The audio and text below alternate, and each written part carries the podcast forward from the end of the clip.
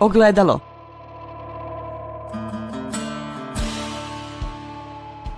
Podcast Autonomije.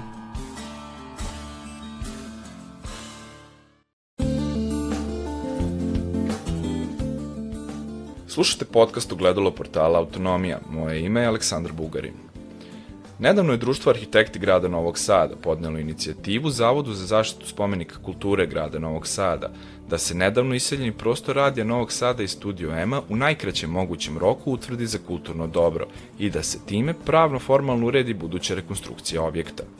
Tim povodom sa nama je bivši muzički urednik radija Novog Sada, novinar i publicista Bogomir Bogica Mijatović. Ogledalo. Bogomire, dobrodošli. Bolje vas našao i hvala na pozivu. Bogomire, pa da počnemo ovaj, za početak da kažemo zašto je Studio M bio važan u bivšoj Jugoslaviji? Šta je on zapravo predstavljao tada? Novi Sad je, uh, studio je otvoren 1965. mislim da je 4. 5. decembra uh, otvoren i od tada je evo do nedavno bio u, u, u funkciji. Uh, studio M i Radio Novi Sad, kasnije i televizija Novi Sad i tribina mladih su zapravo i muzička omladina, su tri najznačajnije institucije, kulturne institucije u ovom gradu. O značaju studija M e, mogli bi da popričate još o neki, s nekim ljudima koji su e, imali priliku da nastupaju njemu. Nažalost, malo je tih među nama koji su imali priliku da decembra 65. ili tokom 66. 7. ovaj, nastupaju u studiju M, pa da vam oni ispričaju šta je to značilo o, za Novi Sad i za čitavu Jugoslaviju. Tu su nastupala najveće i najpoznatija imena iz svih o, žanrova, dakle svih žanrova klasične muzike, o, zabavne muzike, tek kasnije kada je stasao rock and roll tokom 70-ih, kada je stigla moja generacija i rock muzike. Studio M je kulturna institucija koja je apsolutno za naše uslove bila u rangu, na primjer, marki kluba u, u, u Londonu ili nekih značajnih prostora, Filmorist ili Filmon West u, u Americi. Dakle, jedna oaza za prave stvari, jer u Studio M, od kako je osnovan bio, pa do pred sam kraj zatvaranja, zapravo, bilo je zapravo uh, prestižno mesto gde bila je želja svih muzičara koji su se bavili svojim žanrovima da nastupaju u studiju Neki, nekima se ta želja ostvarila, nekima nije, ali moram da kažem da smo imali zaista do pre 10-15 godina ili 20 ovaj, visoke kriterijume uh, prilikom odbira ljudi ili umetnika ili rokera koji će nastupati u studiju. Dakle, držao se nivo do pre možda 10-15 godina koja su sve imena prošla kroz taj studio M i koja bi još trebala da prođu, zašto je zapravo on toliko bitan? Pa neću pominjati one koji su od početka. Ivo Robić je, na primer, jedini jugoslovenski pevač koji je bio na američkoj top listi. On je bio velika zvezda, veća zvezda u Nemačkoj nego ovde. On je u Nemačkoj snimao na nemačkom jeziku, pošto je govorio više jezika i tamo je imao brdo, brdo, više ploča nego ovde kod nas. A njegova pesma Morgan, odnosno on je izvodio, to je jedna pesma koju je napisao Bert Kempfert, čuveni kompozitor, i ovaj, aranžer i šef orkestra i ponudio nekom Freddiju Queenu, popularnom pevaču e, nemačkom, da otpeva na nemačkom. On nije želeo i onda je on dao to Ivi Robiću. Ivo je to otpeo i ta pesma je ušla na američku top listu. Prva nemačka pesma. A peva je naš čovek. Dakle, on, Đorđe Marjanović, Lola Novaković, ovi naši Ljilja Petrović i tako dalje, nego, ajmo od mlađih. Pogorelić je imao seriju koncerata u studiju za koje nisi mogao da dobiješ kartu, kao kad bi doveo sad, ne znam, uh, uh, koga od ovih, ne znam, pevača svetskih, nebitno najvećih. Dakle, to je ono pola sata i o, o, od ulaznice ne postoji iz klasike, iz džeza, na primjer u džez festival je pokrenut i u Radio Novi Sad i muzička omladina i on je održavan u studijem, kulturni centar, pardon, on je održavan u studijem Radio Novog Sada. Tu je Chet Baker održao jedan od svojih poslednjih, mislim, predposlednjih koncert, na jedan od najčuvenijih ovaj, džez muzičara u svetu. I Rakere, Pasport, Goldinger, ne znam, onda u, da pređem na moj fah rock and roll. Dakle, tu osim grupe Smaki indeksi, uh, od tih velikih grupa, svi su svirali. Bijelo dube, imamo taj zapis, pričao sam to prošlo puta, tu, tu anegdotu, kad sam Goranu Bregoviću nešto me zamolio da mu sredim neko snimanje i da mu neka rumunka, moja koleginica, otpeva na rumunsku za neki film. I kad su oni to završili, ja ga odvedem u rekao, hajde ti pustim nešto. On nije znao da je to snim. Znao je u ono vreme, ali zaboravio. To je bilo 75. godina proleće. Kad je čuo, rekao je, kaže, molim te, nemoj ovo više nikom da puštaš. Pola sata, 35-40 minuta koncert Bijelog dugmeta u studijem. To je prvi tonski zapis Bijelog dugmeta je iz studija M Radio Novog Sada. Dakle, uh, grupa Mi, pardon, Time, uh, Josipa Lisac, uh, Azra, prvo kazalište, Kalba, Idoli, uh, mislim, da, da ih ne nabrajam, preskočit ću mnoge, tako da, da ovaj... I ono što je najvažnije, to je sve snimano. Nažalost, dosta od tih snimaka, na primjer snimak grupe Azre, a, nije sačuvan, jer je bio nedostatak traka, pa onda piši, briši, ono, došlo je do toga da je, eto, to bi bio vjerojatno prvi, nevjerojatno sigurno prvi tonski zapis grupe Azra ikad napravljen uživo. I šta? Da smo imali te snimke, mogli smo naša kuća da to objavi povodom 50 godina radija ili ne znam koliko i tako dalje, ali nažalost bilo je i tu dosta propusta u našoj kući, ali u svakom slučaju ljudi koji su bili na tim koncertima, to su neizbrisivi tragovi koji, koji se, se oni sećati. Kad god im neko pomene Studio M, prva asocijacija se ja tamo sam gledao Azru prvi put ili tamo sam gledao Lebisol njihova karijera je vezana za Studio M. Tu su napravili prvi koncert van Skoplja i tu su snimili prvi album kod nas u Radio Novom Sadu. Rekoh, nadam se da ću u ovoj knjizi obuhvatiti, ali to je knjiga o zabavnoj muzici, ali možda je neko trebao da smo znali da će studijem da ovako okonča, da, da sedemo nas nekolicina i da sa Jocom Adamovim i ovaj da napravimo neku ajmo da kažemo, pretresemo arhivu i napravimo neku, makar samo spisak ko je sve ovaj, e, svirao tu, jer ono što nije, e, to bi Duško Trifunović re, e, rekao davno, sve što ti znaš i pričaš preko radija, to vetar nosi. Ako ti to ne staviš u knjigu, to za 5-10 godina kao da nikad nije bilo. Zato mislim da u studiju M, nadam se da sačuvana arhiva, treba uzeti najpre popisati sve to i onda da sednemo nas nekoliko koje još pamet nije izdala da možda za mlađe generacije ostavimo neku knjigu o, o tom prostoru koji je ajmo da kažemo uz Beogradski kolarac ili ne znam Zagrebački koji ili Sarajevsku, ne znam Skenderiju ovaj, izuzetno važan za sve ono što se dešavalo i čime se ponosimo, čak i vi mlađi, na to što je nekada ona generacija i moja država dala, ovaj, jer vi imate razloga mlađi da se ponosite i na bijelo dugme i na zabranjeno pušenje i na sve, jer je to deo kulture vaših roditelja, samim tim i vas. Vi ste to uz njih slušali i tako dalje. Tako da nadam se da će možda neko ovaj se setiti toga i uraditi. Već smo u poznim godinama i ako mi to stariji ne uradimo, mlađi se neće setiti toga, Duško je, opet pominjem njega kao najmudrijeg čovjeka kog sam sreo u mom životu, rekao jednu veliku istinu. Kad pomru očevici, i laž postaje istina. Ogledalo.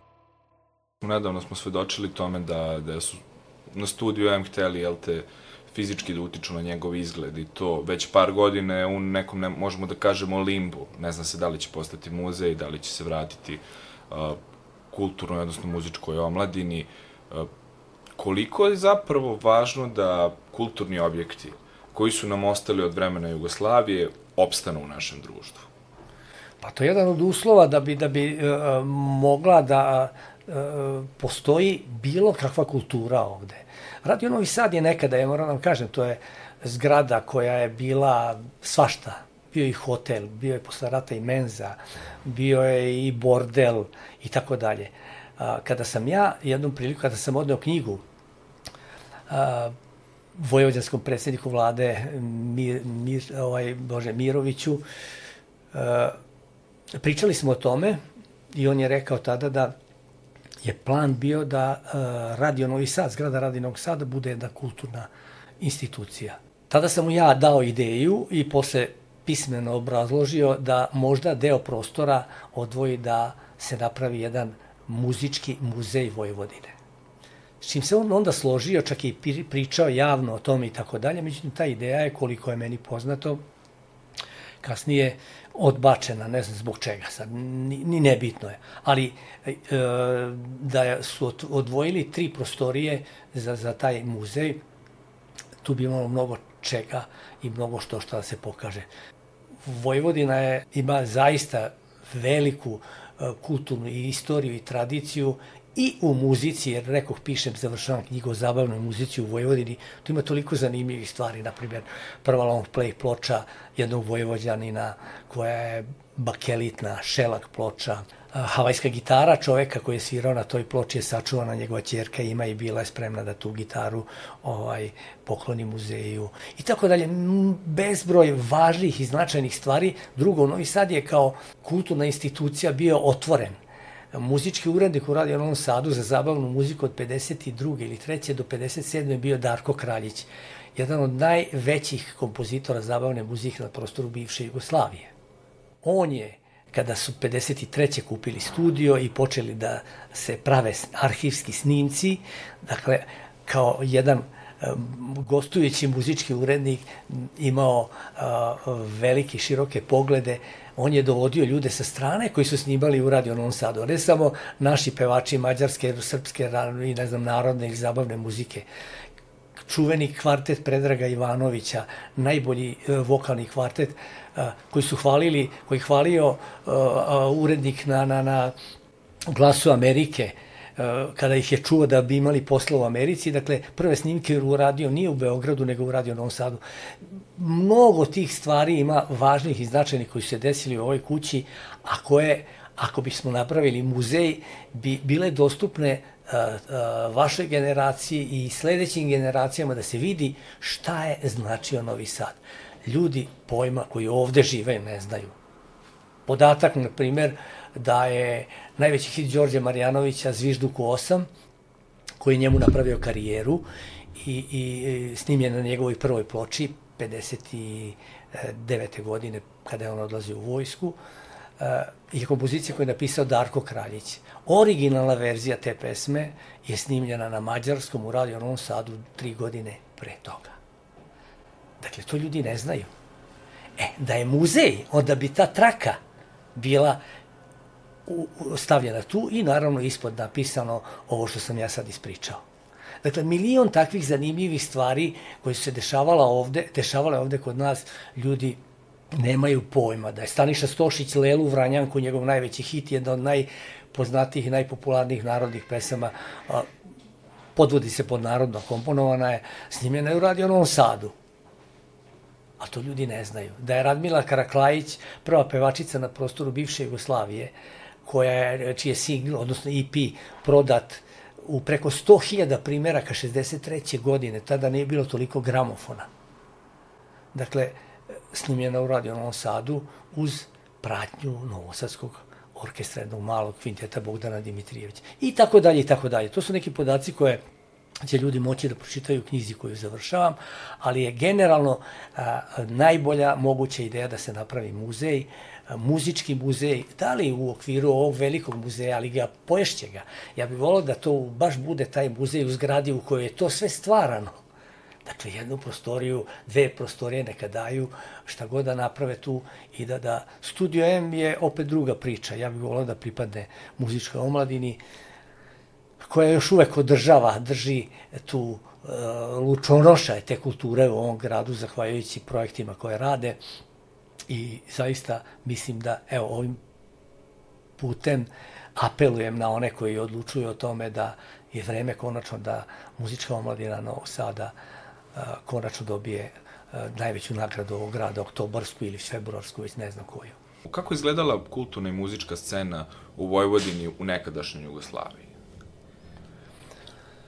Vojvodina je imala sreću da je više nacionalna, a to mešanje tih kultura, Mađara, Rumuna, Srba i svih naroda koji su živeli ovde morali da da jedan kvalitet. Isto je bilo i sa Sarajevom. Nama je Sarajevo novoseđanima uvek bilo blisko upravo zbog mešanja tih kultura. O tome je i Duško Trifunović često pričao i dođe iz Zagreba, dođe iz Beograda, dođe iz Novog Sada, to se pomeša u Sarajevo i daje jedan novi kvalitet koji možda vrlo često bude bolji od pojedinačnih kvaliteta svih ovih centara koje sam pomenuo. Ali ja sam ponosan što je Novi Sad, to moram, moram da kažem i Vojvodina, bila liberalnija u odnosu na sve ostale, ajmo da kažemo, republike i ovu dole pokrajinu koja je već i dan danas daleko iznad svih nas. E, mi smo imali tribinu mladih kao jedno kulturno stecište svih slobodoumnih umetnika, bez obzira iz koje oblasti, da li je književnost, film, poezija, ne znam, e, šta god. E, i mi smo njih prihvatali ovde kao, kao naše. Ja ću samo dati jedan podatak. Početkom 70. godina u Novom Sadu na tribini mladih, odnosno tribina je organizovala, ne znam da li su, ovaj, jeste, obe su ili tri predstave su bile dramske na tekstove Petera Handkea koji je, evo, prošle godine dobio Nobelovu nagradu. Mi smo ga 70. godina izvodili u Novom Sadu. Dakle, tu su imali stecište svi reditelji koji su pripadali takozvanom crnom talasu, njihovi filmovi su prikazivani na tribini mladih. Tribina mladih je zaista bila ovako jedna institucija koja se malo pridaje značaj na prostorima bivše Jugoslavije, a imali bi mnogo što šta da kažu svi ti slobodovni umetnici iz one, iz one bivše države ovaj, koji su imali problema u lokalnim sredinama, šta je Novi Sad i šta je tribina mladih značila za njih. Prošli put kada smo razgovarali, vi ste rekli da je u suštini većinu muzike, većinu žandrova, većinu, zapravo većina bendova u bivšoj Jugoslaviji su u suštini bili ne, na neki način replike be, svetskih i evropskih bendova.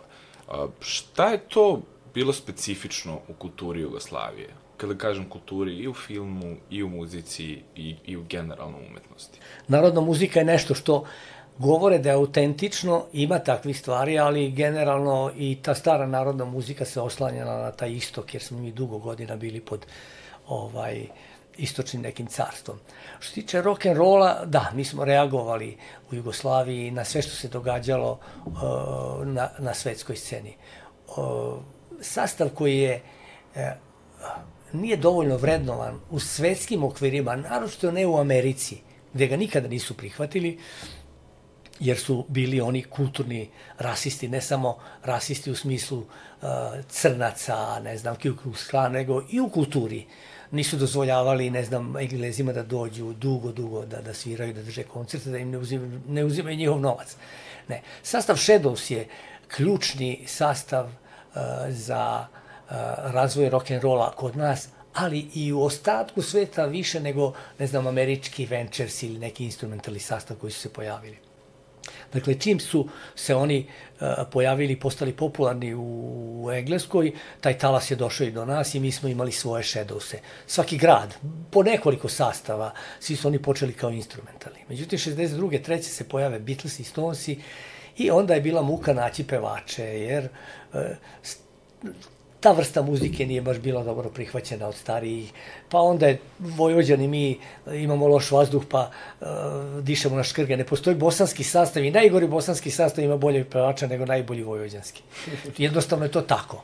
E sad, uh, sve su to, dakle, uh, refleksije svetske scene. Kad se pojavio Soul, mi smo ovde imali, Elipse su snimale Soul ploče, grupa Mi iz Zagreba i tako dalje. Pa se pojavila progresivna muzika, pa smo imali, ne znam, e, brdo tih sastava e, naših koji su e, kopirali to, pa i tako dalje, i tako dalje, do panka i ovam, ono, po mom sudu, jedina originalna stvar u rock'n'rollu koja se desila u bivšoj Jugoslaviji je novi primitivizam.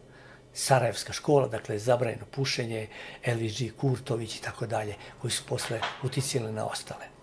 To je nešto, to je prvi put da se desi da, da, da uh, su klinci neuki pušteni u studio, da sami sviraju, jer u Americi imate vi grupu Beach Boys, čiji, koja je snimila, ne znam, 20 albuma, do 70. neke godine, ni jedan član grupe Beach Boys nije odsvirao ni jedan jedini ton ni u jednom njihovom hitu. Ja sam to pravio intervju sa Carol Kay, to je studijska muzičarka, jedna koja je svirala na preko 40.000 snimaka. Svirala na prvom albumu grupe Doors, sa Frankom Zappom, sa ne znam, kao studijski muzičar i ona mi ispričala tu priču. Ni jedan. Oni, studijski, studio bio skup. I sad ovi klinci neuki da vežbaju, a da ih producent vraća sto puta da odsvira neki ton i ovo to je nemoguće, da bubnjar ispada iz ritma stalno, nego plati studijske muzičare, džeziste, oni odsviraju matricu i onda ovi dođu i otpevaju i ćao, doviđenja. Tako su radili, na primjer, i mnogi, mnoge druge, Herman Hermits naš u Engleskoj. E, ovi su iz Jugotona Škarica ekipa su bili mudri dovoljno da su rekli, ok, ovo je Škarica je muzičar, on zna šta je fal, šta je loše, šta je. Ali je to to. Da su taj album odsvirali najbolji studijski muzičari, a pevao Nele, to ne bi bilo to. Ili Elvis Kurtović. Zbog toga ja mislim da je to jedina autentična stvar koja je potekla odavde novi primitizam. I svirka apa drapa i produkcija takva i tekstovi koji su u stvari suština te čitave priče. Ta šega koju su umeli da oni naprave i dan danas Nele ne postoji duhoviti čovjek od njega, mislim, u sopoštovanje mog druga Ramba i ostalih koji, koji je u stanju da taj šmek prebaci ovaj, na vinil da mi svi uživamo u toj ploči, a pre toga sam slušao, ne znam, Weather Report, gde je svirka kakvu ne može čovjek da zamisli, a posle njega stavim ovo i uopšte mi ne smeta, jer je to to. Ogledalo. Kada pogledamo sad sa ove instance, vi ste kao mlad čovjek počeli da radite u Radio Novom Sadu. Jel tako? Relativno ste mladi, dobili svoju muzičku emisiju, eh, randevu sa muzikom i različite druge emisije. Posle ste učestvovali u kreiranju raznih programa, sve ste to radili kao relativno mlad čovek. Koliko prostora danas postoji uopšte za mlade da budu kulturni ili pak muzički novinari? Da li se taj kao simbol muzičkog novinara, ta de, definicija, da li se to možda izgubilo vremena? Pa naravno da se izgubilo. Ja ću vam reći kako je, na primer, e, televizija Novi Sad, koja je u konkurenciji e, mnogo starijih televizija, bila konkurenta svojim programima. Juče sam u Slagalici vidio da su pomenuli jednu emisiju za koju sam ja radio muziku često u, u velikom broju tih emisija, zvala se Varošarije. Znači, sećaju se ljudi nekih emisija od našeg dopisnika, Nedeljna popolj, tako dalje i tako dalje. Radio Novi Sad je od početka 60. godina, 60. godine, e, taj podatak možda ne znate, ali da ga pomenem čisto. On je 29. novembra 49. E, počeo da emituje program na srpskom, mađarskom, rumunskom, rusinskom i slovačkom na pet jezika. Danas ima 20 jezika tih raznih. No, kasnije je odlukom političara izbačen srpski.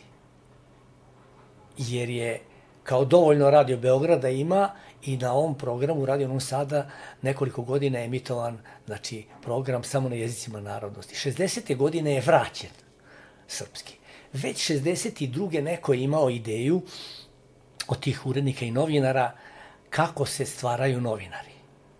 Jer oni su bili samouki, školovali, išli na nekad e, dopunske e, razgovore sa iskusnim kolegama iz Beograda i tako dalje, tako dalje. Oni su osnovali omladinski radio.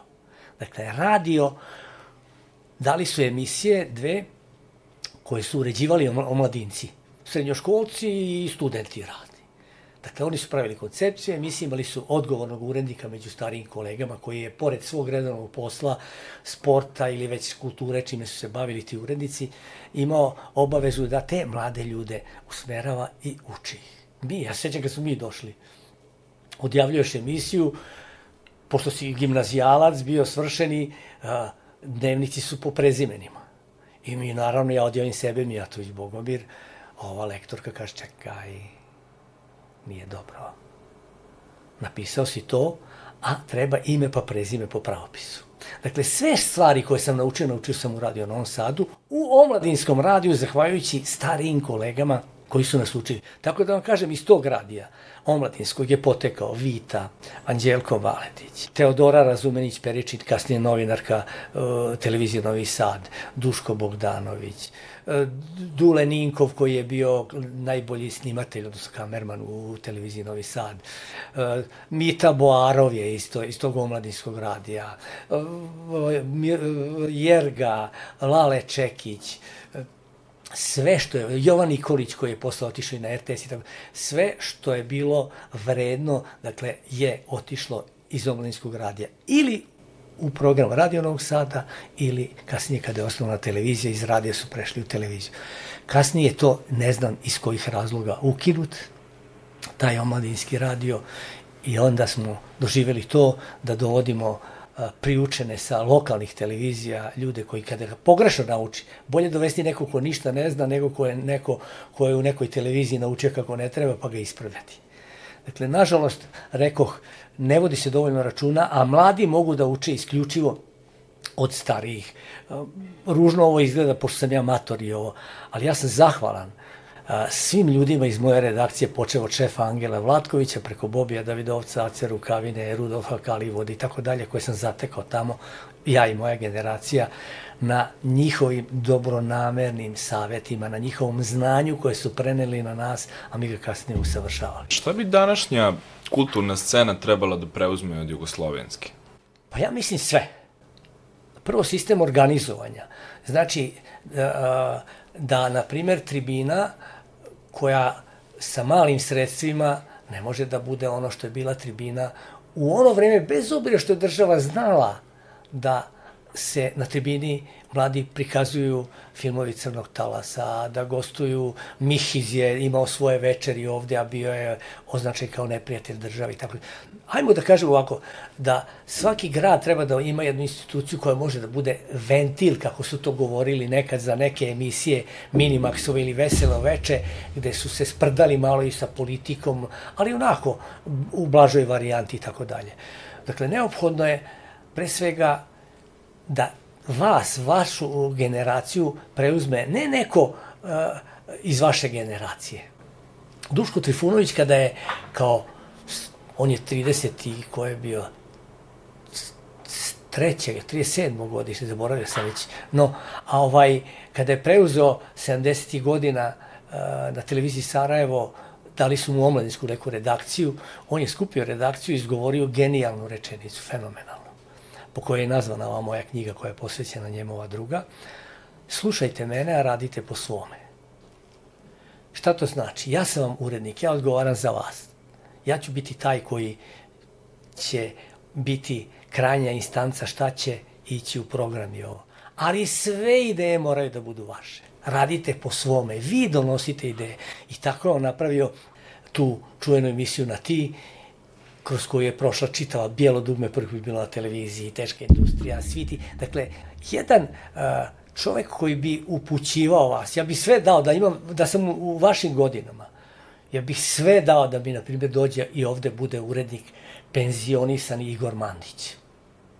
Da me on uči, a ne da mi sami bauljamo nekad i tako dalje. Dakle, dve rečenice jednog takvog iskusnog čoveka. Dakle, spoj e, veterana i, i, i mlađih ljudi e, je jedina stvar koja može da da. Mladi ljudi, ja imam sina, imam decu, sad imam unuke, oni će lutati bez uh, usmeravanja. Moju generaciju, opet ponavljam, Angelo Vlatković i svi ti novinari iz Radio Novog Sada i televizije Novi Sad su bili dobronamerni, prihvatili su nas kao mlađe kolege koji će njih naslediti, prenosili njihova znanja, njihova iskustva, jer vi znanja sad imate više od nas u to vreme jer ste se školovali za to, sad postoje fakulteti za novinari i tako dalje, i u Novom Sadu, ali da, da nema puno tih lutanja, dakle tu su potrebne uh, Dakle, ta sinergija, u krajnjoj liniji futbalska reprezentacija, kad sastavite reprezentaciju od klinaca, vi nemate čemu da se nadate na svjetskom prvenstvu, mada bili najbolji klinci iz čitavog sveta. Nek naprave najbolju mladu reprezentaciju, nek je pošalju iz Engleske, iz Italije, futboleri Španije i najboljih trenera, nema šansa da će kladim se da ne može biti prva. Dakle, postoji nešto što je iskustvo. Ogledalo